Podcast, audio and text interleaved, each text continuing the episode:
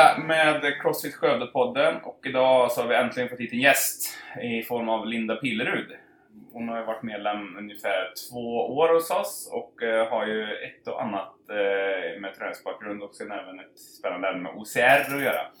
Eh, hej Linda! Hej! Ska vi säga hej till Lars också? Tjena, jag får med på törn också.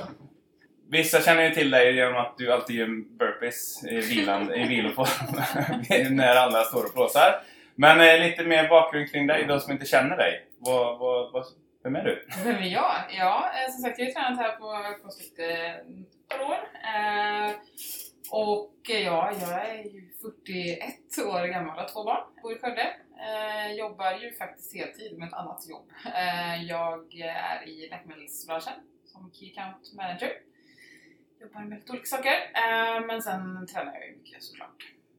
Eh, det jag sysslar med, liksom tävlar i, det är ju hinderbana. Precis. OCR eller, eller Ja. säger man OCR eller säger Man man, säger eh, OCR, men säger man det så vet inte folk vad det är. Så därför brukar jag säga hinderbana. Men ja, OCR heter ju sporten. Och förkortningen er, Obstacle Course Racing, är det Ja, rätt? precis. Yes. Eh, men eh, hur, hur kom du in på, på den banan då? Om vi börjar med OCR-banan. Eh, jag sprang mitt första lopp eh, 2016 på, i augusti. Eh, Tough Viking i Stockholm som många säkert har eh, sprungit. Jag fick ju den eh, startplatsen i present såklart, en sån här klassisk eh, sak. Ja. Men sen var det liksom kört efter det. Du var hooked Ja, direkt? det var jag faktiskt. Ja. Blev det så här, eh, succé på den tävlingen? Nej, alltså då var- sprang vi ju eh, tillsammans. Eh, Så det var ju bara för skojs skull. Men eh, det var ju superkul. Kul. Ja, men de är, det, det är ofta där man börjar kanske. Mm. Sån här, det är roligt och sen bara, Ja. det var askul. Eh, men sen eh, så 2016 då så har det ju bara ökat antar jag Ja. från det. Ja. Och nu så senast så sprang vi VM i Åre. I Ja. Spartan Ultra, Ultra... Nej, Spartan... Eller hur säger man? Spartan, Spartan Ultra World Så Championships. var det. Den ordningen. Eh, men precis, och eh, hur, hur, eh, hur har resan sett ut från 2016 upp till där? Har det varit eh, massa, och, du- för du åker ju utomlands och Mm. tävlar också. Mm. Eh, ja, framförallt det som blev då 2017, då körde jag de här vanliga, liksom Toughest och Tough Viking som finns här i Sverige. Eh, och det gick ju bra. Jag kvalade ju till vanliga VM då på Tough Viking 2017. Så jag var ju i Kanada och sprang vanliga VM på hösten där, eh, 2017. Men där- då, eh, den sommaren var det ju jag. Då sprang jag första Spartan Race. Det var i Skottland. Eh, och jag gillade verkligen det upplägget för lite längre distanser och lite liksom, ofta tyngre lopp, mer höjdmeter, mer bärmoment och så. Och sen har det blivit eh, mycket sånt och det är det jag springer fram, framförallt när jag springer utomlands då. Ja, okej. Men, men, men, sen senast har det blivit längre distans. Det är framför det som är skillnaden kanske i år mot tidigare år. Då. ja, precis. men eh, hur skiljer sig om man, eh, så som vi dödliga, vi ser ju inte Spartan så här jättemycket här Nej. i Sverige. Det, nu var det första Mm, racet som var i Sverige. Men innan, om man säger hur man jämför Spartan Race mot eh, Toughest och Tough Viking, det som vi ser oftast florera på sociala medier. Så. Eh, traditionellt sett så har det varit så Toughest har ju varit det mer tekniska loppet med riggar och mycket så grepp och hänghinder eh, och så. Eh, de har ju även sina sådana fast lanes så om man väljer det och klarar det då behöver man inte göra de här extra hindren och det. Eh, Medan Tough Viking har ju valt lite mer det här att det är ja, men mer bära, mer kanske lite tyngre grejer, inte så mycket fokus på det tekniska. De har ju sitt isbad och, och det här. Så Spartan skulle jag säga är mer likt eh, Tough Viking. Men eh, det som jag uppskattar väldigt mycket med Spartan också det är att man alltid har sina lopp på lite speciella ställen. Alltså det är alltid mycket höjdmeter och alltid liksom ganska tuff terräng och fina ställen att springa på och så. För, det här, för om man säger Toughest och Tough Viking, det är oftast i parker eller Ja men lite så. eh, fla- flacka. Ja. Sen hade de har några olika sådana. Ja, som är så-. Fördelen med till exempel med Toughest är att det är ju alltid 8 kilometer. Ja. De går oftast på samma ställe så att springer man flera år i rad så kan man jämföra sin prestation till exempel. Det är svårt att göra kanske på andra typer av lopp då. Så det är ju många som uppskattar det och tycker att det är kul liksom jämföra och så. Ja. Eh, Det har väl inte egentligen lockat mig så mycket men det är ju vad man gillar.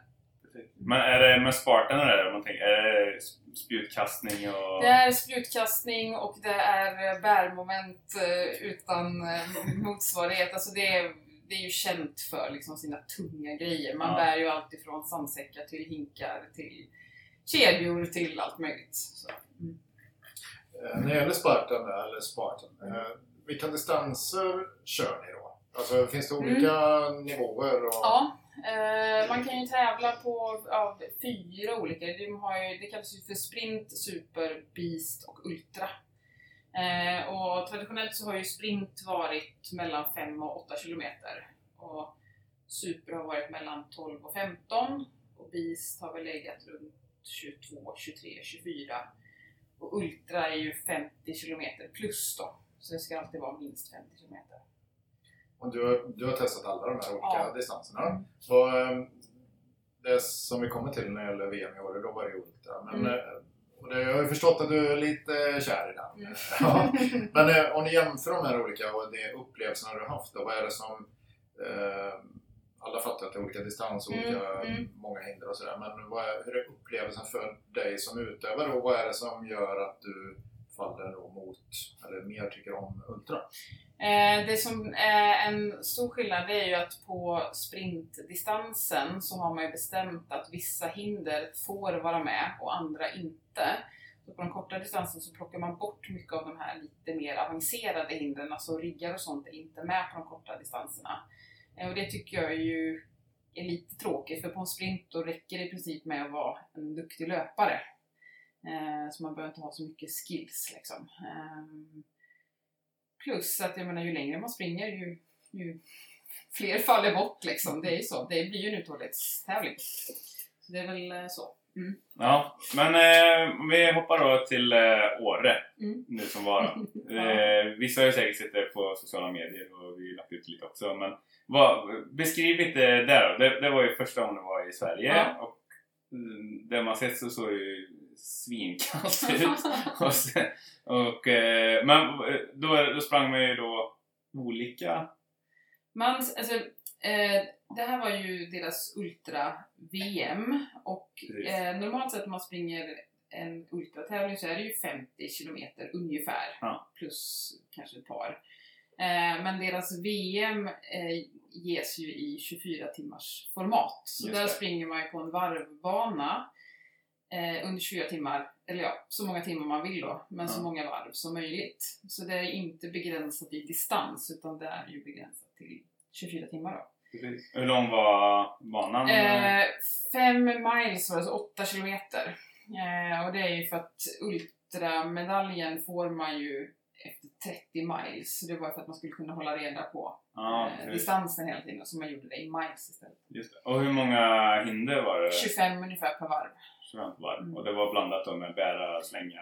Ja, det var, inleddes med en rigg, eh, så ett grepphinder, eh, som det första man gjorde utanför startlinjen. Liksom. Och sen var det spjutkastning och det var repklättring och eh, ja, allt möjligt. Ja. Reptraverser och sånt där.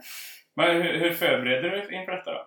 Ja, Vi vet ju att du springer mycket, men är det Ja. bara, har det varit mängd och bara... Ja, alltså det som har varit den stora skillnaden har ju varit volymen eh, i träningen. Eh, jag har ju svårt att vara ute liksom två, tre timmar i sträck, så jag kör ju flera pass samma dag istället då för att få upp volymen. Så det är väl framförallt det som är skillnaden. Annars är det ju löpning och eh, träna här på Crossfit och sen eh, en del Ja men sån här bära sandsäck i slalombacke och sån här jättekul grejer. har du fått lite udda blickar på den? Eh, ja, det kan hända. ja. Men eh, du, du nämnde ju träningen här. Mm. Hur, eh, hur har den påverkat din OCR-karriär då? Anledningen till att jag började med Crossfit, eh, liksom när jag hade börjat med OCR, det är att det finns väldigt mycket likheter tycker jag. Alltså det är den här helkroppsstyrkan, det är överkropp, underkropp, höger, vänster sida, rörlighet, eh, funktionaliteten, alltså alla de bitarna. Eh, så liksom tar man Crossfit och lägger på löpning så får man ju väldigt mycket det man behöver för OCR. Så det är ju därför jag är här. Ja, precis. Så mycket det bara går. Ja, och även... Eh, ja, det finns jättemånga likheter Mm, med det gör det verkligen. eh, community-grejen kring allting. Ja. Och, så det är ju skit. Det mentala. Ja, man Ska göra någonting åtta varv, det räcker inte med sju. Det ska göras åtta liksom. Sådana där grejer. Så det är jättemycket Ja, men precis. Alltså, när du började Linda så såg vi ju direkt att eh, shit, här är en atletisk kvinna. så då blir man ju direkt lite nyfiken vad du har med dig innan. Men det kan ju inte bara varit ett par OCR-lopp från 2016. Nej. Du, du måste ju ha en ganska gedigen eh, idrott och träningsbakgrund Ja. inom, inom det. Och vad har du gjort Eh, ja, alltså många inom eh, OCR-sporten har ju en, en idrottskarriär bakom sig. Många har ju tävlat i en annan sport på elitnivå och sen så liksom hittar man OCR för man tycker att det är bra med helkroppsträning och så. Jag har inte varit där. Jag har ju tränat för mig själv eh, hela livet. Så det har ju varit eh, framförallt vanlig styrketräning eh, och sen har jag ju varit gruppträningsinstruktör på olika gym eh, i 15-20 år liksom, så jag har gjort mycket den typen av träning. Sprungit har jag väl inte gjort om jag inte varit jättetvungen. Så det är väl ett nytt inslag i mitt liv kan man säga. Men, eh, så jag har ju tränat rätt mycket ganska länge. Men inte egentligen för något speciellt. Jag har ju sprungit Göteborgsvarv och liksom alla sådana andra grejer som alla andra har gjort. Men inte mer än så. Jag vet ju när vi, vi snackade, det var ganska länge sedan nu, Mm. med, med din eh, nytändning och, och kärlek till tävlingsmomentet. Mm. Eh, som, som du egentligen inte haft innan då, eftersom du inte idrottat på det sättet utan Mm. tränat för dig själv. Och eh, det var ju lite spännande hur det bara liksom, fick blomma upp där. Mm. Ja. Berätta lite mer om det, just det här med du är otroligt tävlingsinriktad. Ja. eh, nej men jag tror väl att jag insåg någonstans att det här var ja, men en grej för mig. Liksom, något som jag kan vara bra på. För det är sådär, jag har aldrig varit starkast på gymmet och jag har aldrig varit snabbast i löpspåret. Men det är när man får göra de sakerna tillsammans som jag tror är framgångsgrejen. Och det, det inser man ju snart. Är man, man nästan av en slump lite bra på något. Det är klart att varför ska man inte liksom göra det så bra som det går. Så det, men ja, nej men jag mår jättedåligt eh, innan jag ska tävla för jag är jättenervös och jag blir jätte... Eh, jättearg om jag kommer fyra. Så så är det. det får man bara gilla liksom. Ja, det var ju en, kort då, din, din bakgrund fram Ja. till, till det här. Och eh, om vi tar oss tillbaka till, till år igen. Vad, u- under de här... Nu var det ju en tidsgräns på 24 timmar. Eh, men hur länge höll du på? Du, du fick på- ju disponera 24 Ja timmar. men precis. Ja. Jag höll på, jag klev av efter knappt 16 timmar. Då hade jag gjort sju varv. Och alltså 16 timmar, det hinner man ju uppleva ganska mycket. Vad, eh, vad upplevde du var den största utmaningen? Alltså när du har kommit hem och fått smälta det här och, och analyserat ditt race. Mm. Vad, vad, vad var den största svårigheten och utmaningen? Alltså analyserat kan man göra, det har jag gjort både 1, 15 och 20 gånger. Liksom, det är lätt i efterhand att tänka att äh, så farligt var det inte, jag borde ha gjort liksom fem varv till. Eh, vädret var inte det värsta, det var kallt, och det var blåsigt och det var mörkt. Men det kändes här efterhand som liksom var jobbigast, det var ju att när man skulle gå ut på varje varv, att veta exakt vad som skulle komma. Alltså de första tre kilometrarna var ju rakt upp på fjället. Var, var det något speciellt hinder eller var det mer att Nej, det var det var alltså att veta hur jobbigt Ja. det skulle bli den närmsta timmen.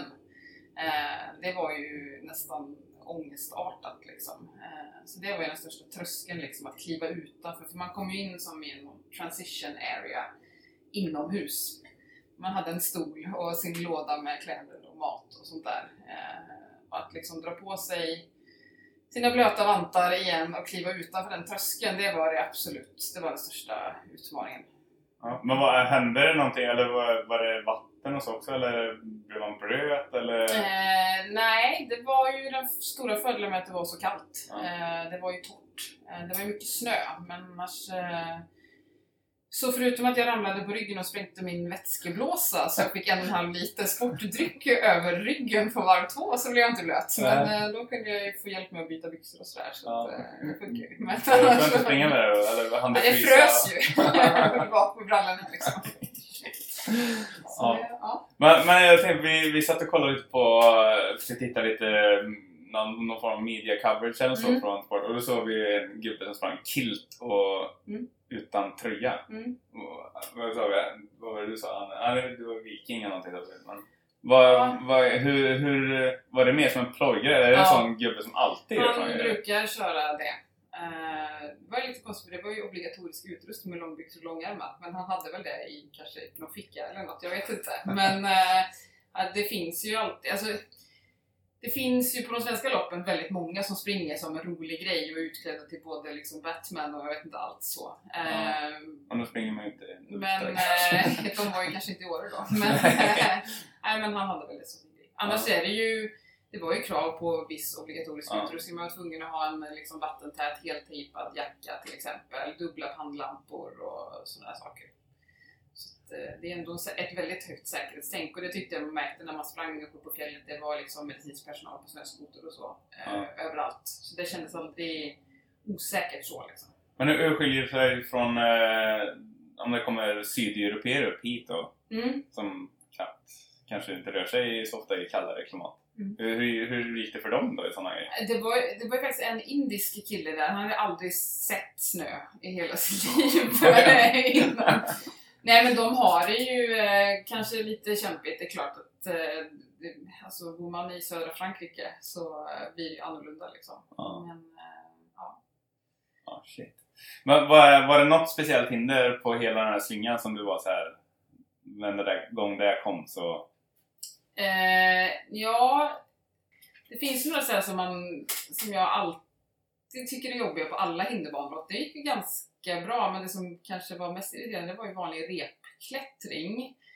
Har jag aldrig någonsin missat förut i hela mitt liv. Jag har klättrat rep på tävling säkert 250 gånger, men eh, på varv 3, 4, 5 det gick inte att komma upp. Alltså de var, det var som ispinnar. De var liksom helt frysta.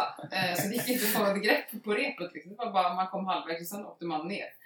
Så det var ju lite jobbigt. Eh, för det är liksom inget jag räknar med att jag ska misslyckas på. Så det...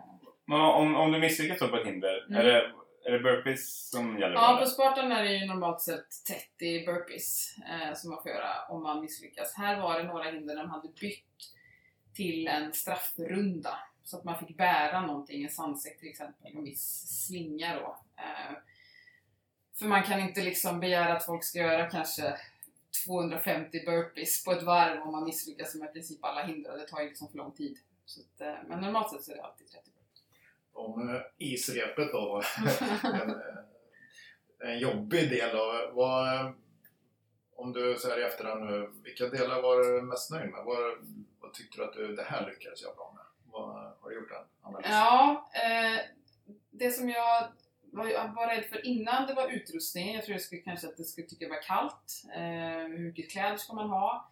Det var inget problem alls. Jag var jättenöjd med alla de val jag gjorde så det tar jag verkligen eh, med mig. Eh, nej men och sen vadå? Jag sprang drygt 60 kilometer i de omständigheterna. Jag har aldrig gjort något liknande förut så det är jag ju jättenöjd med eh, såklart. Jag hade som mål att springa och få ultramedaljen och ett varv till och det gjorde jag. Sen blev pallplatsen då en bonus. Ja, det, är, det är kanon. Innan, innan vi kommer till eh, placering och konkurrens där.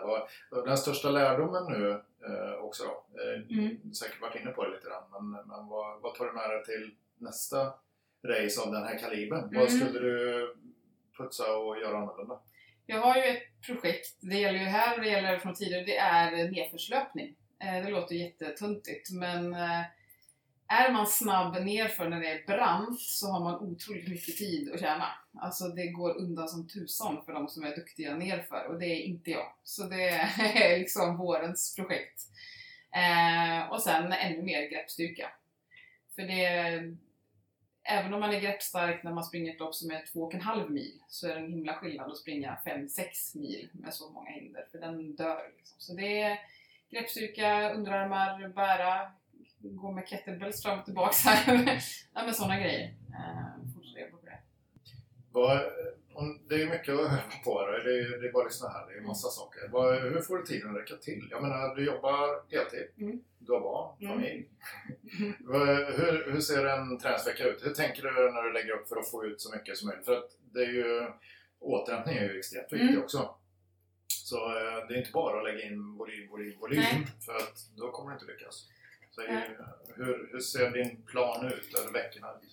Min grund är ju att för att få upp volymen så kör jag ju väldigt mycket varierat. Det har ju vi pratat om förut, men eh, jag springer ju liksom inte 15 mil i veckan. Jag springer ju varje dag, men jag tränar ju även här. Eh, och som sagt, jag ju, vi har ju lite ninja-grejer hemma med riggar och lite sådär, så det blir den typen av träning också. Det tror jag, eh, framförallt när man inte är 22 år gammal längre, att det är eh, liksom det enda sättet att göra det på. Man kan inte ha en sak som man bara kör för hela tiden, för då går man sönder. Eh, och springa är ju väldigt eh, lätt, för det är bara att ta på sig sina skor och så går man ut och springer man en timme och så har man tränat en timme. Det tar liksom inte 20 minuter dit, 20 minuter hem. Så jag går ju upp klockan fem på morgonen och springer med pannlampa. Och sen är det liksom, då är den löpningen, dagens löpning är gjord liksom. Och sen eh, barnen är ju med. De är ju med här jämt. Eh, åker vi till något hinderbaneställe och tränar så är de med. De älskar ju att hänga ringar, klättra rep och sådär. Alltså, det, det, när jag märker det överförs lite på vad de tycker det är Ja. skitkul att hålla på med. Men har de, eh, är det så att du ser att eh, det är någon hinderbane kids Ray typ Tappes har ju... Ja. Har de börjat... Ja, de... Eh, på Tough Viking ska man vara fem år tror jag det är för att få vara med och tävla. Men eh, det behöver man kanske inte vara så noga med. Så det går bra med mig då. Ja, Så har jag sprungit mycket hinderbana. De är jättetycker det är ja vad kul. Ja, men det, det, man kommer ihåg själv när man var liten och sprang ut och klättrade och hoppade. Och, Ja, men det är ju som en eh, vuxenlek. ja, det är, skitbra ju. Eh, Du tog dig upp på pallen nu då, på VM i Åre. Och det blir en eh, grymt imponerande bronspeng där.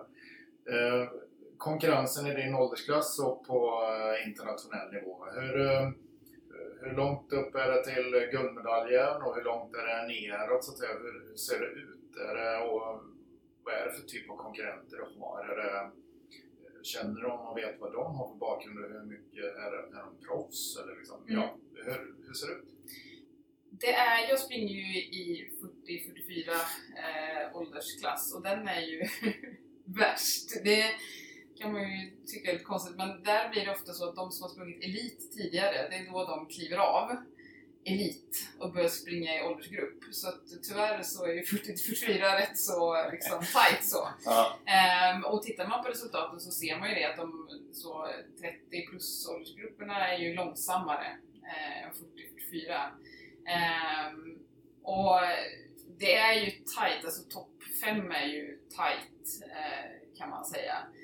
Sen började det bli ganska stora skillnader eh, tidsmässigt då. Men, och det var som jag sa i början, många har ju en, ja, men en elitidrottskarriär i en annan sport eh, bakom sig. Det är många som eh, ja, men gymnaster, många liksom, fotbollsspelare och sådär som kanske inte kan hålla på eller vill hålla på med sin sport. Och sen så hittar man då CR för man tycker att det är en bra allround, både träning och tävling och sådär. Och man kan springa lite och styrketräna lite och sådär. Ehm, så konkurrensen är rätt hård eh, om man springer liksom tävlingsklass och det är även på de svenska tävlingarna man springer Tough Viking och tittar på åldersgrupp, liksom täten. Den är tight. Så är det. ja. Men, men eh, hur, ser det, hur kommer 2020 se ut då? Har du Ännu mer ultra.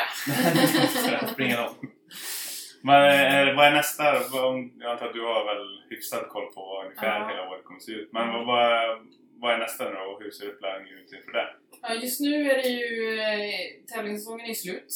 Ehm, och det är jätteskönt. Det behövs. Eh, om inte annat mentalt för man blir rätt trött av att tävla mycket. Eh, och nu får man ju chansen att liksom fundera på vad är det jag behöver eh, hålla på med. Eh, för liksom grundläggande. Men nästa säsong blir ju, ja men det blir eh, mest långlopp. Eh, både hinderbana och sen ett par eh, vanliga löplopp också bara liksom för att få upp tiden på fötterna. Liksom. Det är det viktiga. Ett par 24 timmars eh, lopp faktiskt, eh, som går här i Sverige. Men i lag då, så inte individuellt. Men det stora målet är ju att kvala till eh, Ultra-VM nästa år också. Mm. Då hade jag inte tänkt att vara tre.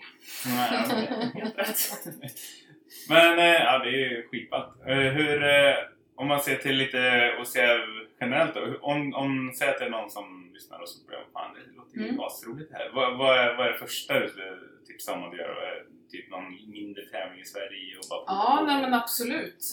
Det är det bästa sättet tycker jag att testa om man först om man gillar det och sen vad det är i det man gillar. För det finns ju många olika saker. En del gillar ju liksom löpningen, då kan man ju liksom satsa på kanske längre distans. En del gillar ju mer ja, men de här ninja-lika hindren liksom, med mycket grepp och sådär, då kan man ju leta efter tävlingar eller så.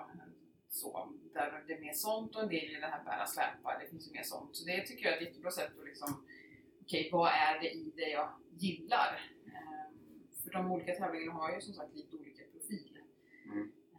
och sen finns det, vi har ju en del hinderbanor runt omkring här som man faktiskt kan testa på om man vill.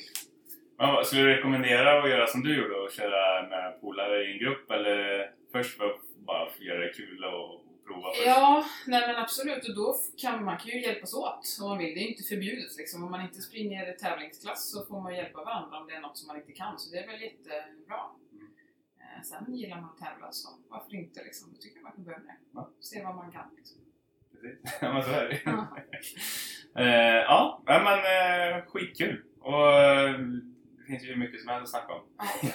jag vet att du gör det. Eh, hade du någon mer fråga Olof? Nej, alltså vi, vi tycker det är jäkligt kul att du gör det här, den här satsningen också. Och det, är ett bra exempel på hur man kan använda crossfit-träning som en bra allround-grundträning för att spetsa att säga, i, en, i en sport eller idrott. Och, det finns liksom inga sådana motsatsförhållanden. Sen givetvis får man ju välja hur man disponerar sin totala tid, Precis. självklart. Men eh, det är inte så att vi, vi uppmuntrar ju hellre till att göra de här grejerna och att, att man får nytta av sin crossfit-träning. Mm. För det är så vi ser på det. Mm. Eh, vi upplever inte det som någon, någon konkurrenssituation utan jag tycker det är skitkul verkligen. Och det finns andra som, eh, som håller på med andra idrotter och har samma kombination. Mm. Eh, men eh, det här är riktigt eh, häftigt mm. det du åstadkommer måste jag säga. Så nej, jag önskar grymt lycka till för 2020 här nu Och nästa VM nu, om vi förutsätter att du kvalar dit då. Mm. Ja, mm. Det kommer det göra. Men i vilket land kommer det att gå? Är det klart? Eh, ryktet säger att det blir i Åre. Eh, en gång till åtminstone. Men att man lägger det två, tre veckor tidigare på hösten. Eh, det, är, det är alltid lite så att de håller lite på det för att det ska vara lite hemligt. Men eh, alla eh, inofficiella kanaler säger att det blir Åre en gång till. Och jag hoppas det. Det hade varit kul. Um, det är bra reklam för, för sporten och det är ett väldigt, väldigt, väldigt fint ställe att springa på. Så jag hoppas det. Ja, men det blir grymt. Då. Får vissa saker att ta revansch på kanske. Och, ja. och många bra saker att ta med givetvis. Går in eh, med bra självförtroende. Varit där innan och lyckats väldigt bra som du gjorde nu. Ska jag köpa mig ett pit crew också som ska, ska vara vaken i 24 timmar och hjälpa mig också så kommer jag gå ännu bättre tror jag. Yes. Vad säger Mike? Ska vi... Upp till Åre? ja, det är klart vi ska. Nej men det är skitkul att höra. Om, eh nu förutsätter jag, jag tror att ditt Instagram-konto är öppet va? Ja, det är. Så om man vill följa dig på Instagram då? Mm. Vad är det då? Då heter jag Linda Pilerud. Linda Pilerud. Att Linda Pilerud Ja men skitbra. Då tackar vi för idag. Tusen tack. Så ses vi i boxen. Ja. tack så mycket Linda.